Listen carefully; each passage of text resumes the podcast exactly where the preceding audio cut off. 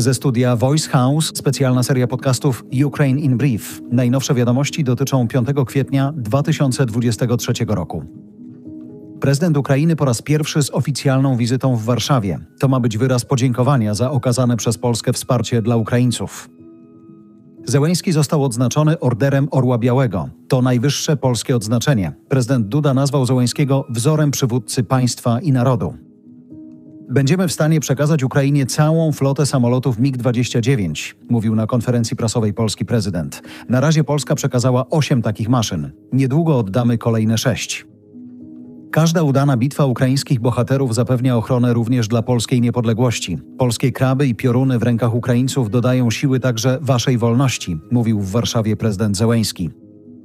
Na Ukrainę trafią dostawy czołgów KTO Rosomak. Podpisano kolejny list intencyjny.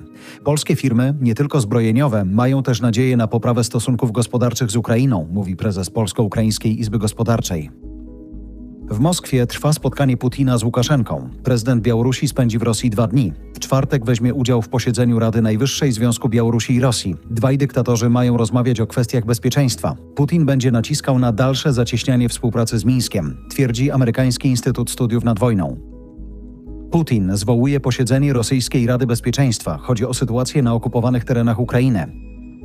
Rosja jest otwarta na konstruktywną współpracę. To polityka zagraniczna Waszyngtonu doprowadziła do dzisiejszego kryzysu ukraińskiego, mówił Putin na Kremlu. Przemówienie wygłosił na ceremonii przyjęcia listów uwierzytelniających od ambasadorów USA i Unii Europejskiej. Ukraina szkoli nowe brygady szturmowe. 40 tysięcy żołnierzy przygotowuje się do zapowiadanej kontrofensywy, podaje agencja Reutera. Moskwa zignoruje apel o uwolnienie amerykańskiego dziennikarza, zapowiada rzeczniczka rosyjskiego MSZ. Chodzi o reportera The Wall Street Journal Iwana Gerszkowicza. Został zatrzymany i oskarżony o szpiegostwo. Amerykańskim dyplomatom nie udało się jeszcze go odwiedzić. Na Łotwie wraca pobór do armii. Parlament Łotwy zmienił właśnie prawo. Od połowy roku ma być przywracana służba wojskowa. Łotwa, która graniczy z Rosją i Białorusią, zniosła obowiązkową służbę wojskową kilkanaście lat temu. Ten tekst został przygotowany przez redakcję Voice House. Do nagrania użyliśmy sztucznej inteligencji wykorzystującej głos Jarosława Kuźniara.